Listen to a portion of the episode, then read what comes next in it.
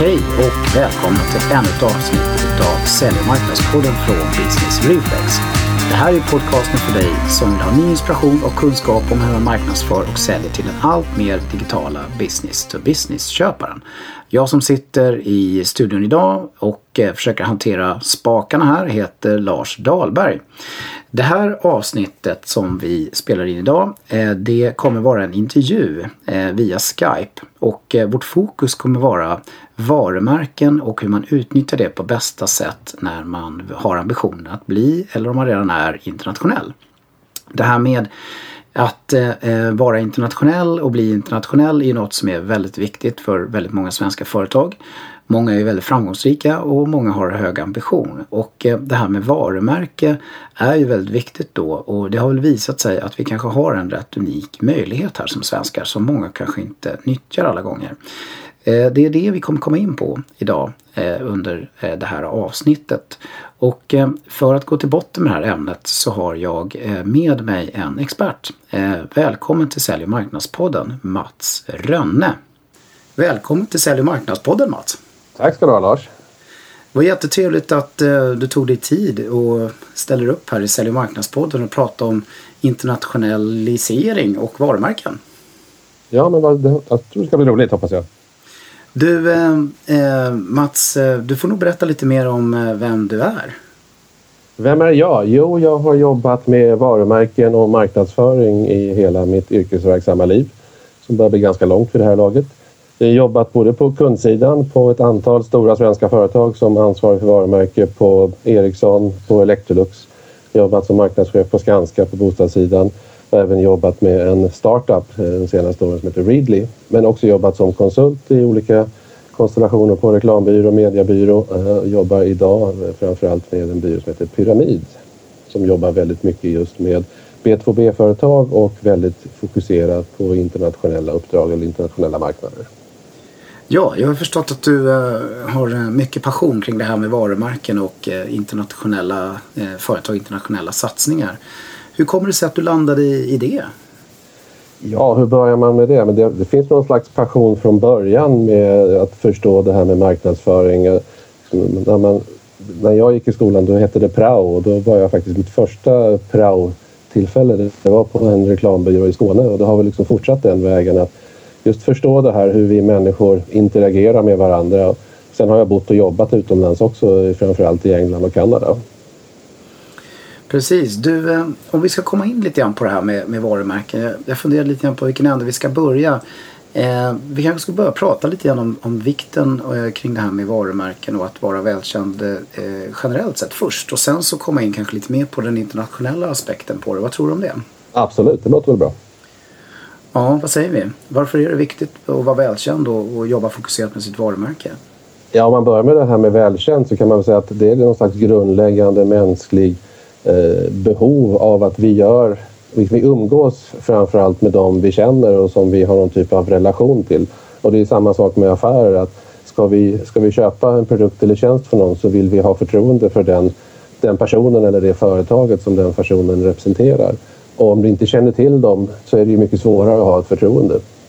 Och de flesta företag eh, de är ju kända bland sina kunder men det finns rätt många icke-kunder som inte känner till dem så mycket. Precis. Ehm, ja, det är ju ganska få förunnat att, eh, att vara kända när man, när man tänker efter. Men man uppfattar kanske lite grann som så att det är väldigt många företag som är kända men, men totalt sett är det ganska få, eller hur? Ja, men även de stora företag som jag jobbat på har fortfarande en utmaning i att öka kännedom. Visst, man är, man är känd hos sina, sina kunder men runt om dem så finns det ju påverkare och beslutsfattare och de som på ett eller annat sätt ska använda produkterna som fortfarande har många andra alternativ att välja mellan också naturligtvis. Precis, men du, hur jobbar man med det här då? då? Eh, vad är det man måste, man måste fokusera på för att eh, komma vidare med, den här, eh, med det här med kändisskapet? Ja, alltså det, det, det finns ju inga enkla, liksom, enkla genvägar men man kan ju också göra det så enkelt som möjligt för sig själv. Eh, självklart så måste man jobba med aktiviteter för att öka kännedomen. Men jag tycker man ska fundera på hur tänker mottagaren? Om jag, om jag möter någon som jag inte har träffat förut, vad är det som gör att jag skapar mig en uppfattning om vad den personen eller det här varumärket representerar? Och då försöker jag hitta någon typ av så mental referensram. Och pratar vi B2B-världen så brukar jag säga att de två vanligaste sätten att liksom hitta in någon typ av box att sätta in det här företaget inom är liksom, ja, men vilka andra, i vilken bransch finns det här företaget så vilka andra företag kan jag jämföra det med? Liksom, eh, om det sen handlar om, om en, en verkstadsindustri eller en tjänst eller en produkt av något slag. Va, vad ska jag jämföra det med? Det, det är en referensområde och den andra är om du inte kommer härifrån där så jag känner till dig lokalt, var kommer du ifrån? För det ger mig också en uppfattning. Mm. Sen kan man kalla det för fördomar eller associationer men länder och platser och områden är ju också regioner. Eh, jag brukar också titta på det här när man skriver om ett företag eh, i till exempel affärspress. Hur beskriver man det företaget? Jo, det står nästan alltid två saker. Om vi tar Electrolux så brukar det stå den svenska vitvarujätten. Eller någonting åt det hållet. Eh, Ericsson så är det det svenska telekomföretaget. Och på samma sätt med utländska företag. De, sättet du, du beskriver ett företag är, var kommer du ifrån och vilken bransch sysslar du? Eller vilken bransch finns du i? Precis. Um... Men eh, om man då ska komma in på det här med, med, eh, med att vi faktiskt är svenskar då. då. Mm. Eh, hur, ska man, hur ska man tänka där om man ska utnyttja det då på, på maximalt sätt? Jag vet att du brukar för övrigt också använda en del bildassociationer kopplat till det här med eh, vissa kända varumärken. Hur de kopplar ihop sig liksom till det, det land eller, eh, som de kommer ifrån och sitt ursprung. Det är ganska intressant tycker jag många gånger att se det där, eh, hur pass tydligt det blir. Nej, men jag tror att ofta så har vi en, en bild, eller vi har alla bilder av saker och ting vi känner till. Säger man Tyskland eller säger man Italien så ger det två olika associationsramar för, för varje mottagare.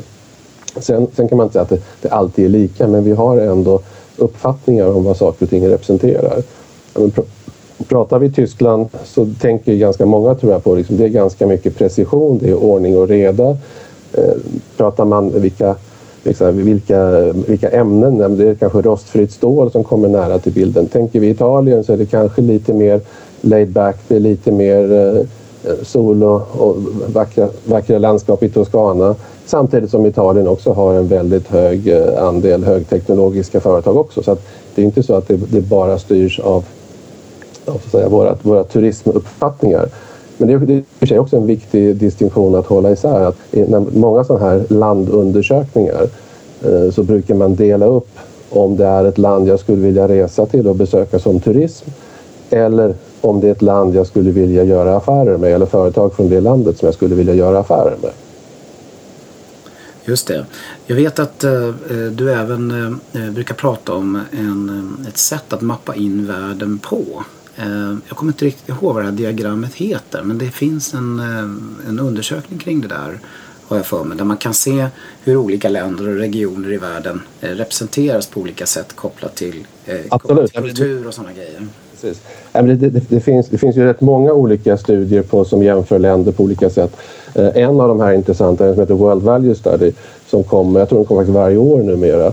Och eh, tittar man på den så kan man säga att du har en, eh, en mappning av olika länder och, och regioner och det intressanta är att Sverige ligger, som, som i många andra studier också, nästan alltid i utkanten. Det vill säga vi har, eh, vi har en, en egen identitet. Eh, och i den här så handlar det mycket om hur modernistisk vi är och hur, hur, väl, hur väl beställda vi är. Alltså, och modernistiskt då brukar man säga att vi har en progressiv syn på samhället och vi har eh, också tappat mycket av våra så här, traditionella rötter i form av religion och den typen av egenskaper. Och eh, Sverige och Skandinavien ligger högst på båda axlarna då kan man säga. Ja, det jag tycker är intressant när man eh, tittar på den här bilden som du pratar om just nu det är ju att eh, vi tror ju väldigt ofta att vi är någon sorts eh, medel average på något vis tror jag. Men vi är ju verkligen extrema. Och det är ju, det måste vi ju, det säger ju att vi verkligen måste fundera på att utnyttja det här till vår fördel för vi sticker ut, eller hur? Absolut. Och jag tror att vi har en, alltså en, en en, en oförtjänt fördel nästan om man tittar på storleken på, på landet Sverige och jämför det med länder av liknande storlek så har vi ju en, en väldigt hög andel framgångsrika företag. Vi har framgångsrika artister, vi har eh, uppfinningar och sådana saker som gör att vi har, vi har liksom en hög kännedom i förhållande till vår marknadsandel om man ska kalla det för det. Eh, och, och jag tror att det är många i Sverige som inte tänker på hur, hur, här, hur mycket fördelar vi faktiskt har med oss bara genom vårt ursprung. Mm. Precis, och egentligen kan man säga att vi har ett väldigt, väldigt starkt varumärke som vi verkligen ska utnyttja. Som är ganska känt. Absolut, och tittar man på alla sådana här olika typer av studier som görs på, på länder som varumärken eller eh, områden så kommer ju Sverige, det är inte alltid vi vinner, men vi är nästan alltid med bland om det sen är topp tre eller topp fem eller de bästa länderna. Ofta är det ju också lite så här eh, hårfint i exakt vilka kriterier man använder men vi har hög liksom, livsglädje, livskvalitet, vi har hög välstånd, vi har hög innovationsgrad, vi har den här quality of life-aspekterna med balansen mellan eh, fritid och arbete och sådana saker. Som alla de där egenskaperna är så, saker som gör att vi får en, en väldigt tydlig profil, också en väldigt positiv profil. Ska man inte Liksom, det, är, det, är, inte bara att du, att du är känd, du ska ju vara känd för saker som ger dig fördelar också och där ligger vi väldigt bra till. Precis, och det är både så att det är starkt men även att det, det sticker ut och är rätt annorlunda jämfört ja. med många andra. Eh, vilket är bra om man vill synas i det här, eh, det här härliga bruset vi lever i, eller hur Mats? Absolut. Ja. Men du, eh, eh, alltså om man nu är, svensk här och eh, eh, man har då globala ambitioner eller man redan är global varför är det så viktigt då att, att ta fokus på det här svenska egentligen? Jag, jag tror det, det, landar i den här liksom, de flesta företag start, som, som finns någonstans, eller alla företag startar ju någonstans. Men om du är ett företag som startades i Sverige eller som man kan kalla för ett svenskt företag oavsett var ägarna finns idag så har man ju också någon typ av intern kultur och intern liksom, normer och beteenden. Och de flesta svenska företag som jag har haft kontakt med som jobbar internationellt har också den här typen av alltså sättet man hanterar sin personal, hur man ser på saker som öppenhet och eh, som, eh, prestigelöshet och hierarkis, eller avsaknaden av hierarkier och sådana saker. Eh, och det gör ju också att om man försöker liksom dölja det eller liksom in, inte använder de egenskaperna så går man ju faktiskt miste om en, en fördel på marknaden. För att eh, om man tänker utifrån mottagarens perspektiv än en gång. Eh, om, om saker och ting hänger ihop då skapar det förtroende. Men om saker och ting liksom är lite olika på olika områden då blir jag lite, liksom lite bekymmersam och säger men vad är det de egentligen står för? Vad är det det här företaget egentligen vill säga till mig? Så att om man, om man försöker dölja saker eller man försöker spela ner saker som faktiskt finns så riskerar man faktiskt att eh, försämra sin konkurrensmöjlighet. Mm. Eh, någonting som jag tänker på nu när du pratar om det här som jag själv reflekterar över kopplat till min egen eh, så där, internationella erfarenhet är att, att eh, jag tror jag var ganska naiv när jag gick ut och började jobba med internationella affärer. Jag, jag tänkte så här att alla är nog relativt good guys och alla gör nog business på ett ganska schysst och, och, och bra sätt sådär som jag tycker och tänker att man ska göra. Men verkligheten visar sig att så inte är fallet väldigt många gånger. Och, och, över tid tror jag att eh, just det här att man har liksom en bra, sund affärskultur, liksom att, eh, att bygga businessen på blir allt, allt viktigare liksom när man ska konkurrera eh, för att människor ska vilja göra affärer med en och sånt. Och det är ju någonting som vi absolut ska lyfta fram, eller hur? Absolut, absolut. Och sen kan man säga att det är inte så att eh, andra länder är, har sämre moral eller, eller annat beteende. Men jag tror liksom att man skapar ett bättre förtroende om man respekterar varandras bakgrund och förstår hur, hur, man, hur man beter sig. Så att, jag menar också det att det är ju inte en skillnad mellan att vara svensk som har som så här, någon typ av kärna i identiteten och att kunna anpassa sig till olika exportmarknaders sätt att göra affärer. Alltså man ska ju fortfarande vara lokal gentemot sin kund i respektive marknad. Men det kan man ju fort ändå vara med en så att säga, ett ursprungsegenskaperna med sig i bagaget. Precis. Ehm, ja, vi har ju touchat lite grann på det. Men eh, eh, ska man lyckas med det här är det väldigt viktigt att veta vad Sverige så att säga står för. Eller hur? Man ska kunna dra nytta av det här. Då. Absolut. Och jag måste säga att det var en sak som jag hittade för ett antal år sedan när jag började titta lite närmare på de här frågorna. Att det finns faktiskt väldigt bra material som har gjorts. Och huvudmännen bakom det här är egentligen dels Svenska institutet och Visit Sweden som för eh, nu ett antal år sedan tog fram en, man kallar för en varumärkesplattform för Sverige eller för Sverigebilden. Eh, och sen finns, den finns att ladda ner på sweden.se bland annat och på si.se som är då Svenska institutet. Och där kan man säga att man har gjort tycker jag, ett väldigt, väldigt ambitiöst arbete med att definiera men vad är, vad är svenska värderingar. Och då har man landat i en varumärkesplattform som bygger på egentligen ett huvudkaraktärsdrag eh, men sen så har man fyra ytterligare värdeord eller egenskaper som man lyfter, lyfter fram. Och det viktigaste ordet är det man kallar för progressiv. Alltså att det finns en konstant vilja till att förbättra och utvecklas. Och jag tror de flesta svenska företag tycker att det där låter som någonting som stämmer ganska väl överens med, med deras beteende också. Mm, och det är väl också ett nyckelord kan jag tycka som verkligen ligger i tiden, eller hur? Allting ska ju vara agilt och allting ska vara lean och allting ska vara eh, i ständig förändring och i ständig utveckling och, och, innovativt och så vidare och så vidare, eller hur? Ja, och det intressanta med det, det är ju att vi, vi, tror att alla andra är så också, men tittar man på, på många, många liksom, hur, hur, hur internationella marknader fungerar så skulle jag nog vilja säga att Sverige är eh, extremt eller ledande på den här alltså, viljan att ifrågasätta, viljan att utvecklas, viljan att liksom, anamma nya idéer och tankar. Mm. Och, kan man säga, och sen i botten då, så finns det då fyra ytterligare egenskaper som här, förklarar eller förstärker just eh, den här definitionen på progressiv. Och de fyra handlar om nytänkande, de handlar om öppenhet, det handlar om äkthet och det handlar om omtänksamhet. Och jag, om, om, om, man vill gå in på, på det här och lära sig lite mer eller fundera lite mer på det hela så rekommenderar jag verkligen att gå in på antingen si.se eller sweden.se så finns det väldigt mycket mer att läsa om hur resonemangen ligger runt det hela. Precis, det kan vi ju länka till också i det, den bloggpost som går ut i samband med det här poddavsnittet så alla kan hitta fram till det där.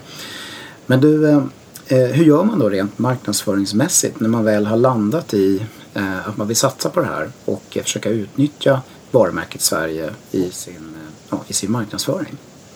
Alltså jag brukar säga så här att det, det finns i min värld tycker jag det finns två vägval. På samma sätt som om man förhåller sig till sin kategori så kan man säga att men vi ska agera som kategorin gör eller vi ska ta spjärn mot den och så ska vi ha någon typ av egen roll inom kategorin. På samma sätt kan man jobba med, med Sverigebilden eller med ursprungsvarumärket. Och jag brukar säga att antingen så kan man välja att använda det explicit. Alltså man blir ganska tydlig med att vi kommer från Sverige. Det behöver inte innebära att man har blågula flaggor på allting men ändå att man har en ganska tydlig av, eh, avsändarmarkering som visar var man kommer ifrån. Eller så kan man jobba med det implicit. Och det handlar ju då mer om att eh, om man jämför sitt eget företags varumärkesplattform och de egenskaper som man tycker är viktiga att lyfta fram eh, så är min erfarenhet att väldigt många av dem är väldigt väl förankrade i vad Sverige representerar, vad vi står för. Och då får du ju en trovärdighet att lyfta fram om sen det handlar om kvalitet eller det handlar om öppenhet eller det handlar om innovationsgrad eller pålitlighet eller designkunskap eller vilka egenskaper nu som är viktiga så går de, eh, nästan alla de väldigt väl att förankra i den här uppfattningen om Sverige. Och då blir det ju för, företagets egna egenskaper som är viktigare att lyfta fram men trovärdigheten i dem förstärks genom en kanske mer subtil då, avsändare och ursprungsmarkering. Okej, okay, eh, bra. Jag skulle vilja gå tillbaka lite grann till det här du nämnde om, om kategorin. Eh, kategori i det här läget är ju, kan ju vara samma, samma typ av definition som begreppet bransch. Ja, exakt. Eh, Eh, men man befinner sig i en viss kategori eh, och där har man lite två vägval. Man kan smälta in eh, eller man kan försöka sticka ut. Och sen gäller lite grann samma sak då med det här med svenskheten. Att man, man försöker göra det mer implicit eller explicit. Men behöver man inte tänka både och här samtidigt? Att man måste tänka kategorin och tänka hur man ska hantera det här med Sverige i någon form av kombination? Absolut, ja, men det är helt rätt. Man kan nästan se det som en som en fyrfältare ungefär så att säga. Vilken roll vill jag ta gentemot mina konkurrenter inom den, den bransch eller den, den kategori vi befinner oss i? Och vilken roll vill jag att mitt ursprung ska, ska ha för oss när vi befinner oss på en exportmarknad? Ja, ja. Fyrfältaren kom fram igen där, heliga gamla verktyget. Alla konsulter. Alltid alla frågeställningar. Ja, men jag kan nog se den där fyrfältaren framför mig. Men det, det låter väl som ett, som ett bra, bra tips att man ska kanske ska rita upp en liten sån här fyrfältare. När man sätter kategori eh, på ena axeln och så sätter man eh, svenskhet på den andra. Och så, ja, eller ursprung i alla fall. Ja. Och så försöker man då att, eh, att plotta in sig i det där lite grann. Så att man förstår vilken strategi man vill välja när man jobbar då med att bygga sitt varumärke. Och skapa de här associationerna till det då, som vi är inne på. Ja, Mats. Vad ska vi säga? Ska vi Eh, vad har vi mer att lägga till när det gäller det här? Eh, har vi några bra härliga tips förutom de vi redan varit inne på? Jag, jag tror att, att eh, om man jobbar i en, en, organisation som jobbar internationellt så har man kanske också i många fall eh, inte bara svenskar i sin, eh, alltså bland sin personal. Så ett, ett praktiskt tips som jag brukar säga att eh, ofta är det ju de som inte är svenskar som är mest intresserade av att driva den här frågan om Sverige som ursprung. Så hade vi det både på Electrolux och Ericsson där vi svenskar ofta tenderar ju till att vara, men vadå, ska, Sverige är väl inte så mycket att lyfta fram och vi, vi, vi är ju ofta lite lite jantestyrda och lite, lite blygsamma och landet lagom och alla sådana saker. Medan eh, de som inte är svenska från början eller som jobbar på exportmarknaden ofta har en större kanske förståelse eller ett större intresse av att lyfta de här frågorna. Så att ska man jobba med det här internt så tycker jag det är absolut nödvändigt att man har en, en blandad arbetsgrupp eller man, man, man, om man skapar ett projekt eller hur man nu vill jobba med det hela. Att man säkerställer att man har just den här mixen av olika bakgrunder och erfarenheter för att just få den här belysningen av eh, på vilket sätt man ska jobba med ursprunget i sin, sin, sin varumärkesutveckling.